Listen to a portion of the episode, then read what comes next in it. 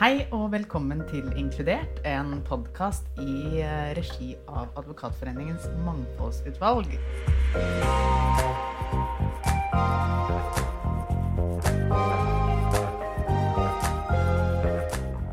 Det er fredag morgen. Jeg heter Kristine Haslø. Jeg har med meg Heidi Jorkjenn.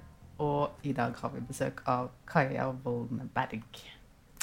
Hei, Kaja. Hei, hei. Kan ikke du først bare helt kort fortell om deg selv? Jo, det kan jeg godt gjøre. Jeg heter Kaja Wellenberg, er 45 år. Eh, Jeg har jobbet som advokat i 18 år, blir det vel. Først eh, i etter studiet så begynte jeg i Konkurransetilsynet. Så var jeg der i syv år, ish, seks år. Var med på å flytte det til Bergen.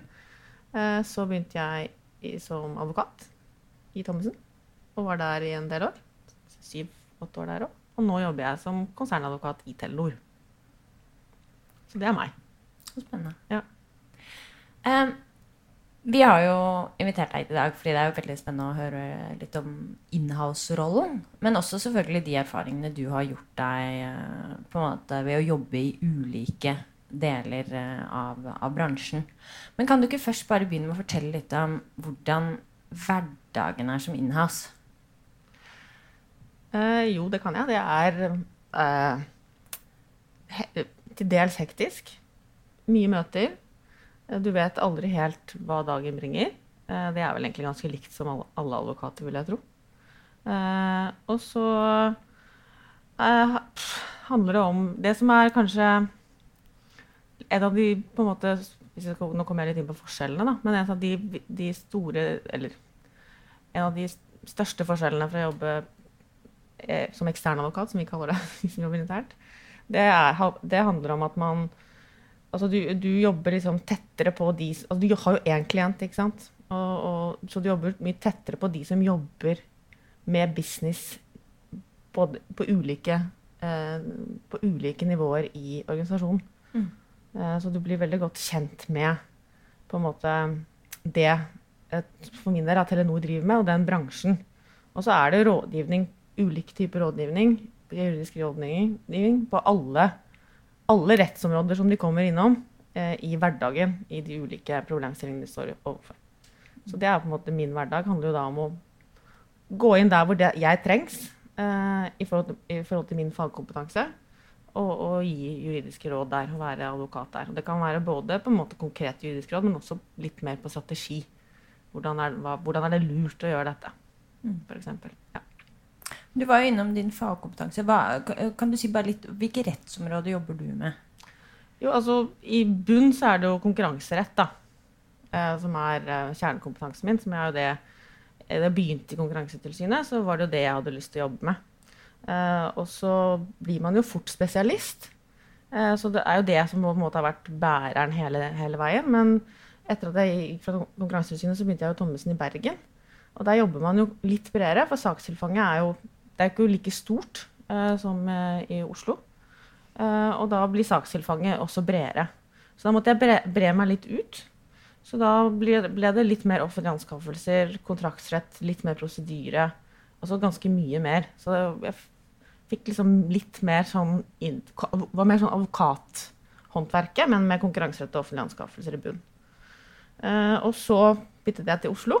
Eh, Thommessen i Oslo. Og da ble det mer spissing igjen mot eh, ren konkurranserett. Så i Telenor så er det jo konkurranserett som er på en måte kjernen, som alltid, som det har vært hele veien. Eh, men bredd litt ut mot det spesialkonkurranseområdet innenfor Ekom da, og Ekom-reguleringen, som gjør det som er rammebetingelsen og reguleringen av Ekom-sektoren i Norge. Men der er det også sånn at man må Når det er en type juridisk kompetanse som etterspørres, så snur de seg mot advokatene sine, og så må man jo da bre seg ut. Så jeg har jo gått inn i nye rettsområder der også. Jobber nå f.eks. en del med sikkerhet, som jo er noe helt annet. Eh, men mye går på offentlig regulering. Det er liksom det som er liksom fellesnevneren på det jeg bistår i. da. Ja, for vi har jo hørt om eh, Telenor-advokatene. Eh, Og det er jo eh, det er et ganske stort juridisk miljø, er det ikke det? Jo, det er det som på en måte er, jeg syns er veldig bra med Telenor. da. For ofte hvis man begynner, er, kommer fra et stort advokatfirma og går over og jobber inhouse, så kan det være at man opplever sant, Normalt så blir det ganske mye mindre juridisk miljø, og fagmiljøet blir mindre. Du, man sitter kanskje på sin kjernekompetanse. Mens i Telenor så er vi jo da ja, rundt 25 advokater, ikke sant? så det er jo Mm. ganske stort, uh, altså stor advokatfunksjon Mm. som jobber på konsern. da. Og så har man jo rundt omkring i verden i de ulike landene så har man jo egne juridiske eller advokater der også, lokalt. Bortsett fra i Norge. Vi er advokatene for Norge. Sånn at du Vi har, har jo f.eks. ganske stort konkurranserettsmiljø. Altså vi er vel en fem-seks advokater som har bakgrunn i det. Mye folk som er spesialister på kontraktsrett. Det er mye på personvern, M&A. Mm. Men den tingen vi, altså det vi gjør nesten ingenting av, det er prosedyre. Mm. Så det Mm. får du dessverre ikke. For oss som syns at det kan være gøy. Nå har jeg ikke jeg gjort det veldig mye, da. Men eh, jeg kjenner jo det når vi har saker i retten, og du er med som representant, og det rykker litt i den advokatgena der. Ja, for det Ja. er jo litt, litt av eh, Jeg tenker at det er litt av øvelsen med, med, med podkasten vår, og at vi henvender oss litt til liksom, studentene. Ja. Eh, Det er jo litt eh, når man går på jusstudiet og tenker på hva er det egentlig å være en advokat, og det er jo på en måte kanskje det typiske bildet er det derre i kappe i Ja. retten, ikke sant, og, og, og, og synliggjøre liksom bredden som ligger innenfor for advokatrollen. For hva Det er egentlig et spørsmål som hvordan, er, hvordan skiller man i inhouse-rollen f.eks. mellom det å være jurist, og hvordan utøver man advokatrollen? Ja.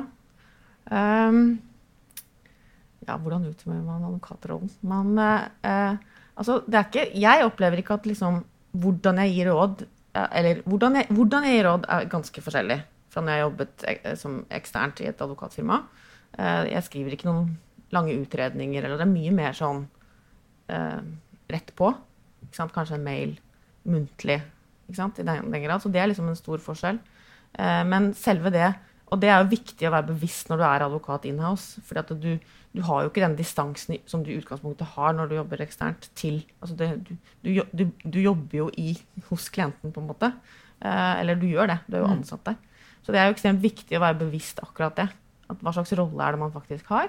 Eh, sånn at eh, Men kanskje det, en av de største forskjellene som jeg var inne på i sted, handler om at du, du er jo med når eh, når de skal liksom legge de, strategien og de strategiske beslutningene. Og så kan du da som advokat gi råd inn i eh, hva, hvilken vei bør man gå.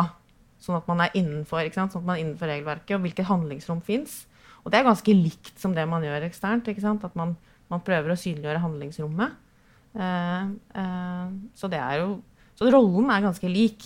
Men det du ikke gjør, er at du, du går jo ikke i retten, og du, de, du har ikke Vi er ikke så mange at vi kan drive med og forske veldig mye ned i, i jussen og bruke veldig mye tid på det. Hvis det er vanskelige problemstillinger, så er, eh, eller vanskelige problemstillinger som tre, hvor man krever mye tid til utredning, så er det ofte at man går eksternt og, og på en måte får inn det. Da. For det, det er jo også en forskjell. Du, du, du, du bruker jo eksterne advokater også. Det er jo ikke bare oss som advokatfirma, så du har, men vi har jo de å, å støtte oss på også. Eh, og set, setter ut oppdrag av ulike ja, av. Ja. Men, men opplever du det som en fordel? Det at du kan måte, konsentrere deg om de litt mer store linjene selv, de overordnede tingene, og så på en måte, ja, sette sånne detaljreguleringer ut? Eller tenker du liksom at det er en utfordring, det at man ikke har kapasitet til å ta hele, hele det, alt selv? Jeg tenker at hvis, hvis altså nå er Fordi vi er så mange advokater i Telenor, så har jo vi mye større kapasitet internt. Så det er ikke, altså det er, det er ikke mange vi, vi løser ganske mye av de detaljspørsmålene selv. Så sånn sett så, det er derfor jeg sier at det ligner ganske mye på det å være ekstern. For du, du gjør liksom alt fra det bitte, bitte lille til det store, og til være med på de store linjene. Men jeg vil tro at hvis du jobber i et mindre sted, eh, eller mindre, hvor det er ikke mindre, mindre selskap, men altså hvor det er mindre juridisk avdeling, så kan det så er den der balansegangen mellom at du blir en ren innkjøper, og det at du på en måte er en advokat som sitter og løser liksom ned i nitty-gritty juss, ordentlig juss, liksom, eh, det, det kan nok bli en utfordring. For at du, kanskje noen steder er det bare én juridisk direktør og kanskje én advokat. ikke sant? Mm. Og da sier det seg jo selv at du kan jo ikke holde på med det. Og da kan du fort bli en, som- får en litt mer sånn innkjøperrolle, og så er du mer oppe på det bare det strategiske. Mm. Vil jeg tro, da. Mens, ja. Men jeg synes jo ofte når hvis man snakker med innholdsadvokater, at, at det er nettopp det de trekker fram som positivt. Det der at du får lov til å være med på en måte tettere på businessen, være med på det strategiske osv. Kan du ikke si, Hvordan blir dere inkludert i det arbeidet? Um, I Telenor så er altså det, altså det er jo likt som når du er en advokat eh, i et stort forretningsjuridisk firma, f.eks. At du er jo avhengig av at de som jobber i organisasjonen, kommer til deg. Så veldig mye av det går jo på at du har bygget relasjoner og vært synlig og på en måte vært til stede. Men så er det jo en, en, en, har vi jo noen sånne interne retningslinjer og governance-systemer som sier når er det legal alltid skal inn. Ikke sant? Sånn at det, det er jo noe? Det, det, det setter jo rammene for når, når er det man må gå til advokatene. Men som ofte så opplever jeg at de, de som jobber rundt Telenor Norge, og som jeg jobber mest for, da, er jo en stor organisasjon mange ansatte. Jeg opplever at de har det ganske på radaren. Altså at de kommer, kommer til oss når de har, kjenner at her er det utfordringer, her trenger jeg bistand. Eh, sånn at, eh, men det, men det, så det er ikke noen sånn egne systemer, bortsett fra liksom den governance-rammen som fins. I, I retningslinjer, typ. Ja. Så sitter, har vi jo de som er head of legal, som vi kaller det, rundt omkring i de ulike selskapene. Men også i, i, i konsernet der jeg jobber, er det noen av de som er det ute i noen enheter. De sitter jo da i management-teamene. Og da fanger man jo mye opp hva der som rører seg, og hvor det kan være behov for bistand. Det er kanskje ikke noe, noe svar på dette, men hvordan ser liksom den typiske Telenor-advokaten ut? Og hva, hvordan rekrutterer dere? Hva er, det, er det, hva er bakgrunnen til de som eh, jobber der? Rekrutterer dere rett fra studier, eller er det stort sett liksom at man har gått, kommet eh, og gjort andre ting først? Jeg tror uh, nei, alle som på en måte er rekruttert som fast ansatte. Vi har jo de siste årene begynt også å ha noen sånne så, hva heter det, på secondment. Mm. Godt norsk ord. Noe norsk ord for det. som, som leies inn, da. Innleie, innleie fra advokatfirmaene. Og da er det jo kanskje folk, mer junior, kanskje rett fra studiet og sånne ting. Mens de som er, blir ansatt, de har, da har, søker vi ofte etter de som har, har advokatbevilling og har erfaring. Og gjerne sånn tre til fem år Mm. erfaring fra et advokatfirma eller de, litt, noen år fra advokatfirma og offentlig sektor. At man har noen år på baken eh, før man begynner. Eh, og det, den typiske advokaten i Telenor er jo I Norge så er det jo norsk, norske advokater, men ganske altså, Jeg vet ikke om det er 50-50 kvinner og menn, ja. men det er i hvert fall, uh, hvert fall uh, ganske god miks der. Ikke noe overvekt av det ene eller andre, som jeg legger merke til, i hvert fall. Mm. uh, og så er det jo, har vi noen, fordi vi jobber konsernjuridisk og vi har en del enheter i Asia, så har vi noen advokater også som er, jobber i Group Legal som er ansatt i Asia. Eller som jobber i Asia, som sitter i Singapore. Mm. Uh, som er, er, fra Asia, da.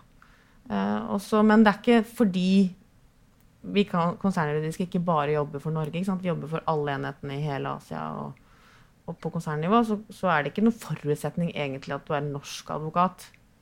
Du kan, men du må jo kunne du må, må kunne ha aktiv bevilling i Norge. Mm. Så du må på en måte ha en det må være godkjent i Norge på et vis. Hvis du sitter i Norge, da.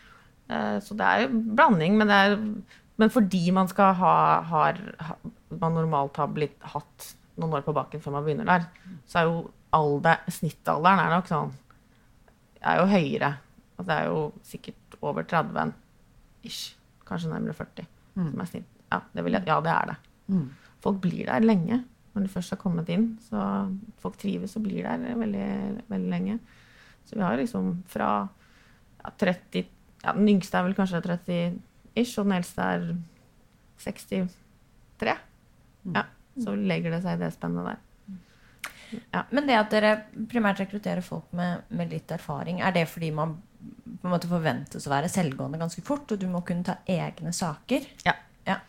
Du kommer inn, og så er det jo ikke sant, Det er jo ikke sånn som man, man, har jo ikke på en måte en partner, og så har man noen under seg, eller noen som er seniorer, og så noen fullmektige under der. Det er jo ikke sånn. Vi, vi, vi opererer jo egentlig hver for oss. Eh, og så har vi et fellesskap i team, da. Vi er satt sammen i team. Mm. Eh, så har vi jo et fellesskap i teamet med en teamleder. Men, eh, men du, du, blir jo kastet ut i det, og så må du på en måte holde deg gående selv. Eh, også, også faglig råd. Men du, også, det, det er jo derfor de i utgangspunktet også mener at man skal ha bevilling. Da, at man har man har vært, jobbet som advokat og kan advokathåndverket. Så det er jo på en måte viktig. da. Sånn at du kan gi selvstendig råd. Mm. Hvordan er fokus på mangfold i Telenor? Det er det faktisk, er veldig ganske stort fokus på. Både det å, at man får altså helt fra toppen. Og der er det jo fokus på å få kvinner inn i lederposisjoner, hvor man har gradvis oppnådd det i ganske stor grad. Uh, og, det, og, det, er jo også nedover i organisasjonen. Nå er jo Telenor en teknologibedrift, så det er jo tradisjonelt ganske mange på fagsiden. Uh, ganske mange menn.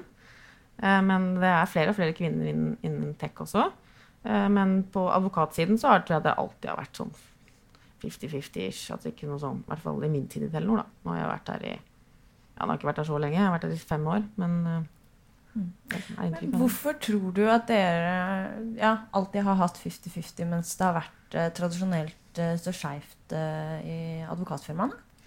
Nei, det er eh, Altså i utgangspunktet så er det jo Hvis man snakker om liksom dette med tid, så har man jo da én klient å forholde seg til og kan disponere tiden og selv avgjøre hva var det som var viktigst nå. Altså hva var det som var viktigst for meg å løse nå? Og så kan du planlegge mye bedre, og så kan du planlegge det innenfor en tid. Så er, I utgangspunktet så er jo kombinasjonen med familieliv, hvis man tenker at det å måtte jobbe sent og plutselig hoppe og sånn, er, er vanskelig å kombinere med familieliv. Men når det er sagt, så har altså tiden, summen av det man jobber, og til, når man skal være tilgjengelig, er jo relativt lik. Men, men det er jo lettere å ha en klient og kunne selv avgjøre hva det er som eh, Når man skal jobbe med hva. Eh, ikke sant? Så det er jo tid. Mm. Arbeidstiden er lettere å kombinere med familie. Eh, og, men bortsett fra det, så vet jeg vet ikke, for å være helt ærlig. Det er eh, fordi innholdet av jobben er jo ganske lik. Ja, for Det er jo en sånn, liksom, mm. vanlig forklaring ja. på liksom, hvorfor man ikke får altså man, At man typisk på liksom, fast advokat, senioradvokatnivå ja. mister kvinnene til inhouse-stillinger. Um, og det er nok uh, også en del sant i det. Ja. Uh, men uh, hvordan opplevde du det selv? Var det liksom en Var det en del av din kabal og det, vurderingen du gjorde den gangen? Nei, altså For meg var det liksom kanskje litt mer sånn tilfeldig at jeg begynte der. Fordi jeg ble kontaktet av dem fordi de skulle ha en med, med spesialkompetanse i konkurranserett. Mm. Og da gikk, de, gikk, man mer spisset ut. Eh, det var ikke en sånn generell utlysning på det. Eh, så, så, jeg hadde ikke sånn tatt et bevisst valg, på en måte. Men, men når jeg begynte der, så kjente jeg jo relativt raskt at det, det ble jo mer behagelig. Det var lettere å få, få familiekabalen til å gå opp. Mm for å si det sånn. Jeg hadde jo da to barn, mm. uh, ganske små barn. Og det, sånn at det, det, er, det er, nok Jeg tror nok det er en stor del av sannheten også. Mm. At det har med tid å gjøre. Uh, og så er det jo mer Så det er uh, vanligere at man kanskje må hente tidlig i barnehagen. man må Altså mer sånn fleksibilitet i forhold til at du for, Og det har jo også noe med at det, du har det er én klient, ett selskap, du blir kjent med de, du jobber jo med de samme hele tiden. ikke sant? Så da er det kanskje lettere eh, å si at nei, jeg kan ikke møte da. Kan vi mm. utsette to timer, for jeg har noe jeg må gjøre privat. Mm. Rett og slett. At det er liksom Det er lettere å få opp da, til å gå opp. Mm. Um, men når det er sagt, så er det jo ikke sånn at man går tilbake igjen. Det er, mange, det er jo mange som blir der, selv om de på en måte blir ferdig med barn, og barna blir store òg. Mm. Så jeg tenker at eh, det er jo også fordi man, man trives mm. i den rollen. Så det er jo en litt annen rolle, som vi har vært inne på. Mm. mm. Men uh, jeg tenker jo ofte, ikke sant, Det er jo nettopp det. Det er jo utrolig attraktive og faglig spennende ja. stillinger som da også kanskje oppleves eller er litt lettere å få til å henge sammen med en hverdag. Men jeg syns det er litt interessant at det er ikke det, hvis jeg forstår det riktig, at det er ikke det at du nødvendigvis jobber så mye mindre. Det handler mer om å kunne disponere tiden Ja. selv. Ja, men altså, i sum så jobber jeg nok mindre òg. Ja. Altså, jeg tror du må være ærlig på det. Uh, at det er, blir mindre totalt sett.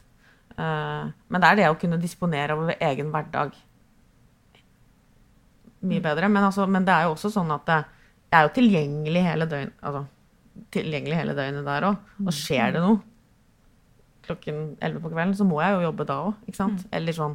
Og det har skjedd. Eller plutselig må møte på jobb klokken seks-halv syv fordi det har skjedd noe som man må løse. Så du har den. Den er der også, men kanskje ikke like ofte, da. Som man kan oppleve når man har mange selskap man skal bistå. Men det jeg syns er litt sånn spennende med deg, er jo at du har jo erfaring fra å jobbe både i Bergen og i Oslo som advokat. Og du var jo litt innpå det at i Bergen må du spre seg litt mer. Men opplever du noen forskjell hva gjelder sånn arbeidsform for øvrig på, på by? Det,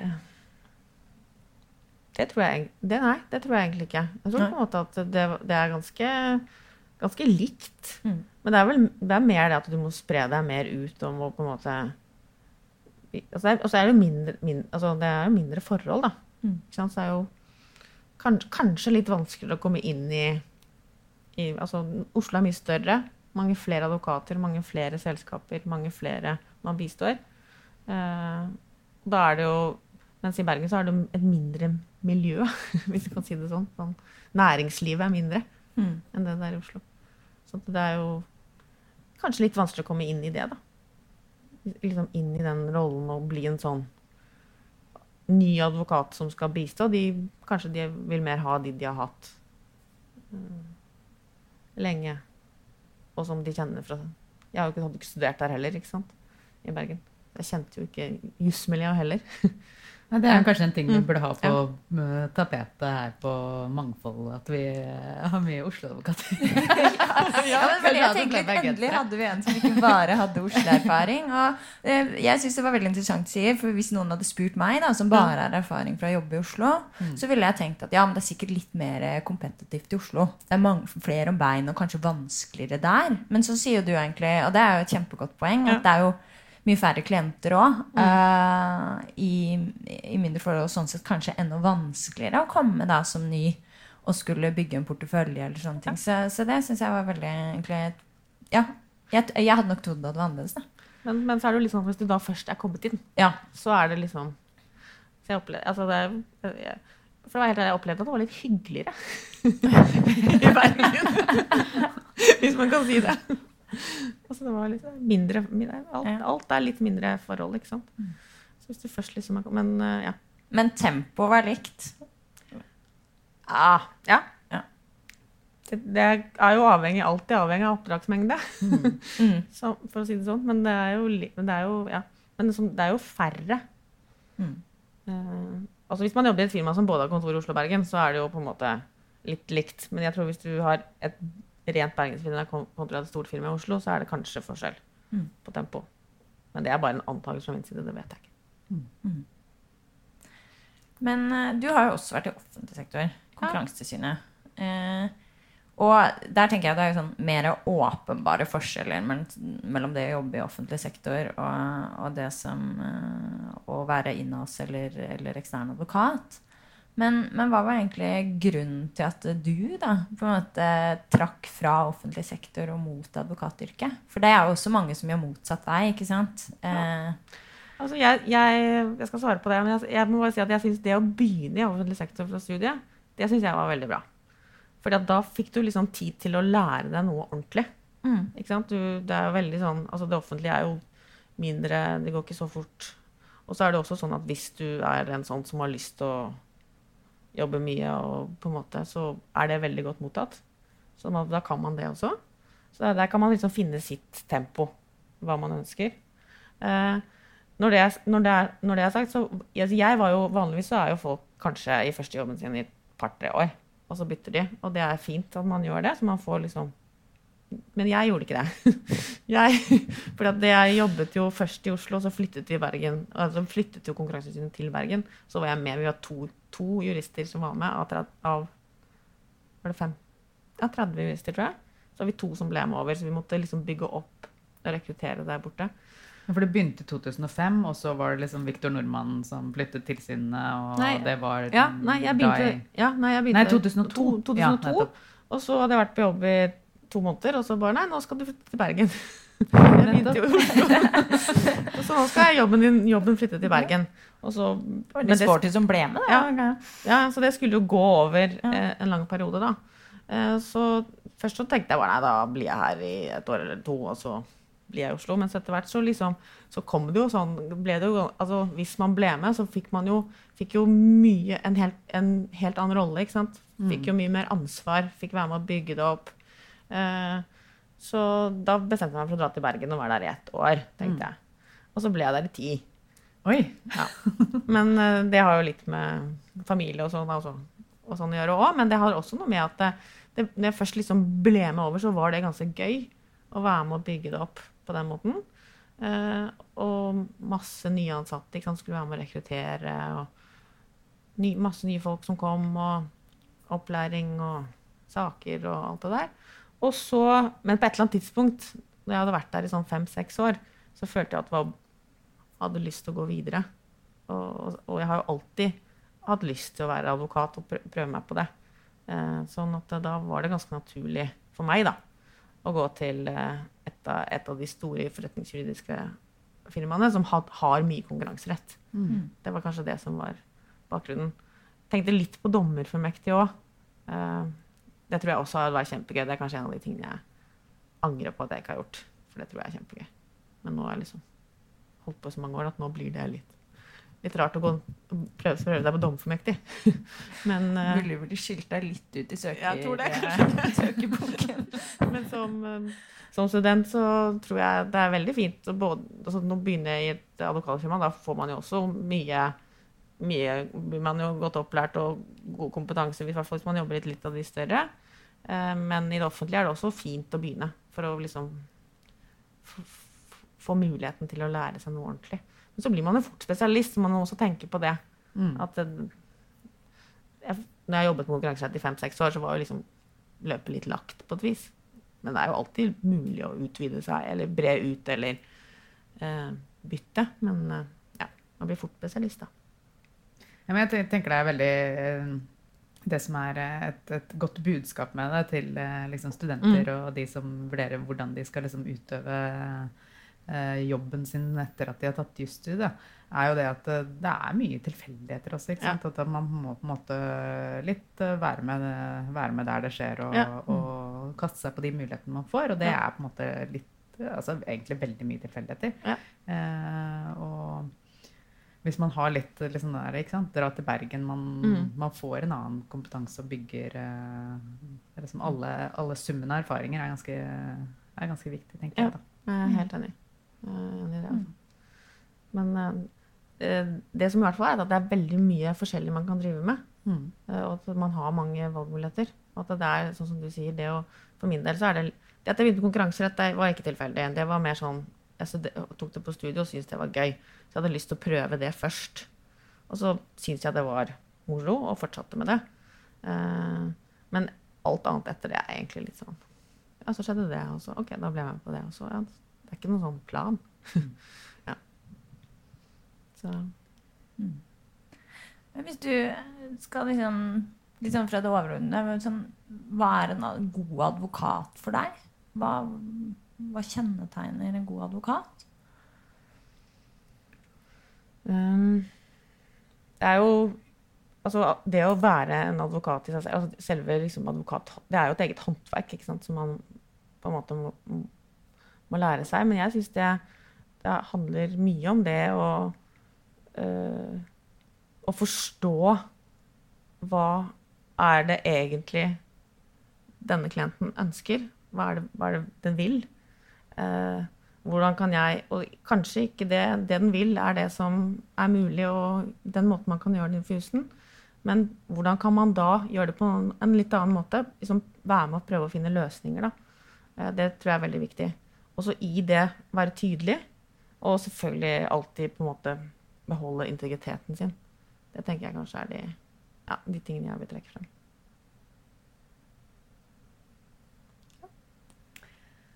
Til slutt så eh, Litt sånn tips og råd til eh, studenter som har lyst til å mm, på en måte Jeg vet ikke, nå snakker vi om inhouse-rollen Ja. i dag, og det på en måte har lyst til å bli inhouse-advokat, men, men egentlig mer sånn tips og råd til studenter. Hvordan ville du hvis du sto liksom på trappene av eh, eh, av liksom arbeidslivet nå, eller eh, hva sier man? Trappene? Ja. Første steg? i Eller Ja. bunnen av rulletrappa? um, hvordan, hva, hva, vil, hva liksom vil dine tips være? Um, jeg tror det må, det må jo være at man Litt sånn som vi er inne på i sted. Man må, må begynne et sted. Man må følge litt sånn Hva det du Hva slags type juss altså For det er jo sant, ulike områder. Er jeg en sånn som har lyst til å Hva slags type jusområde tenker man at man kanskje har lyst til å drive med? Og så bare begynne med det. Og så ta det litt derfra, altså.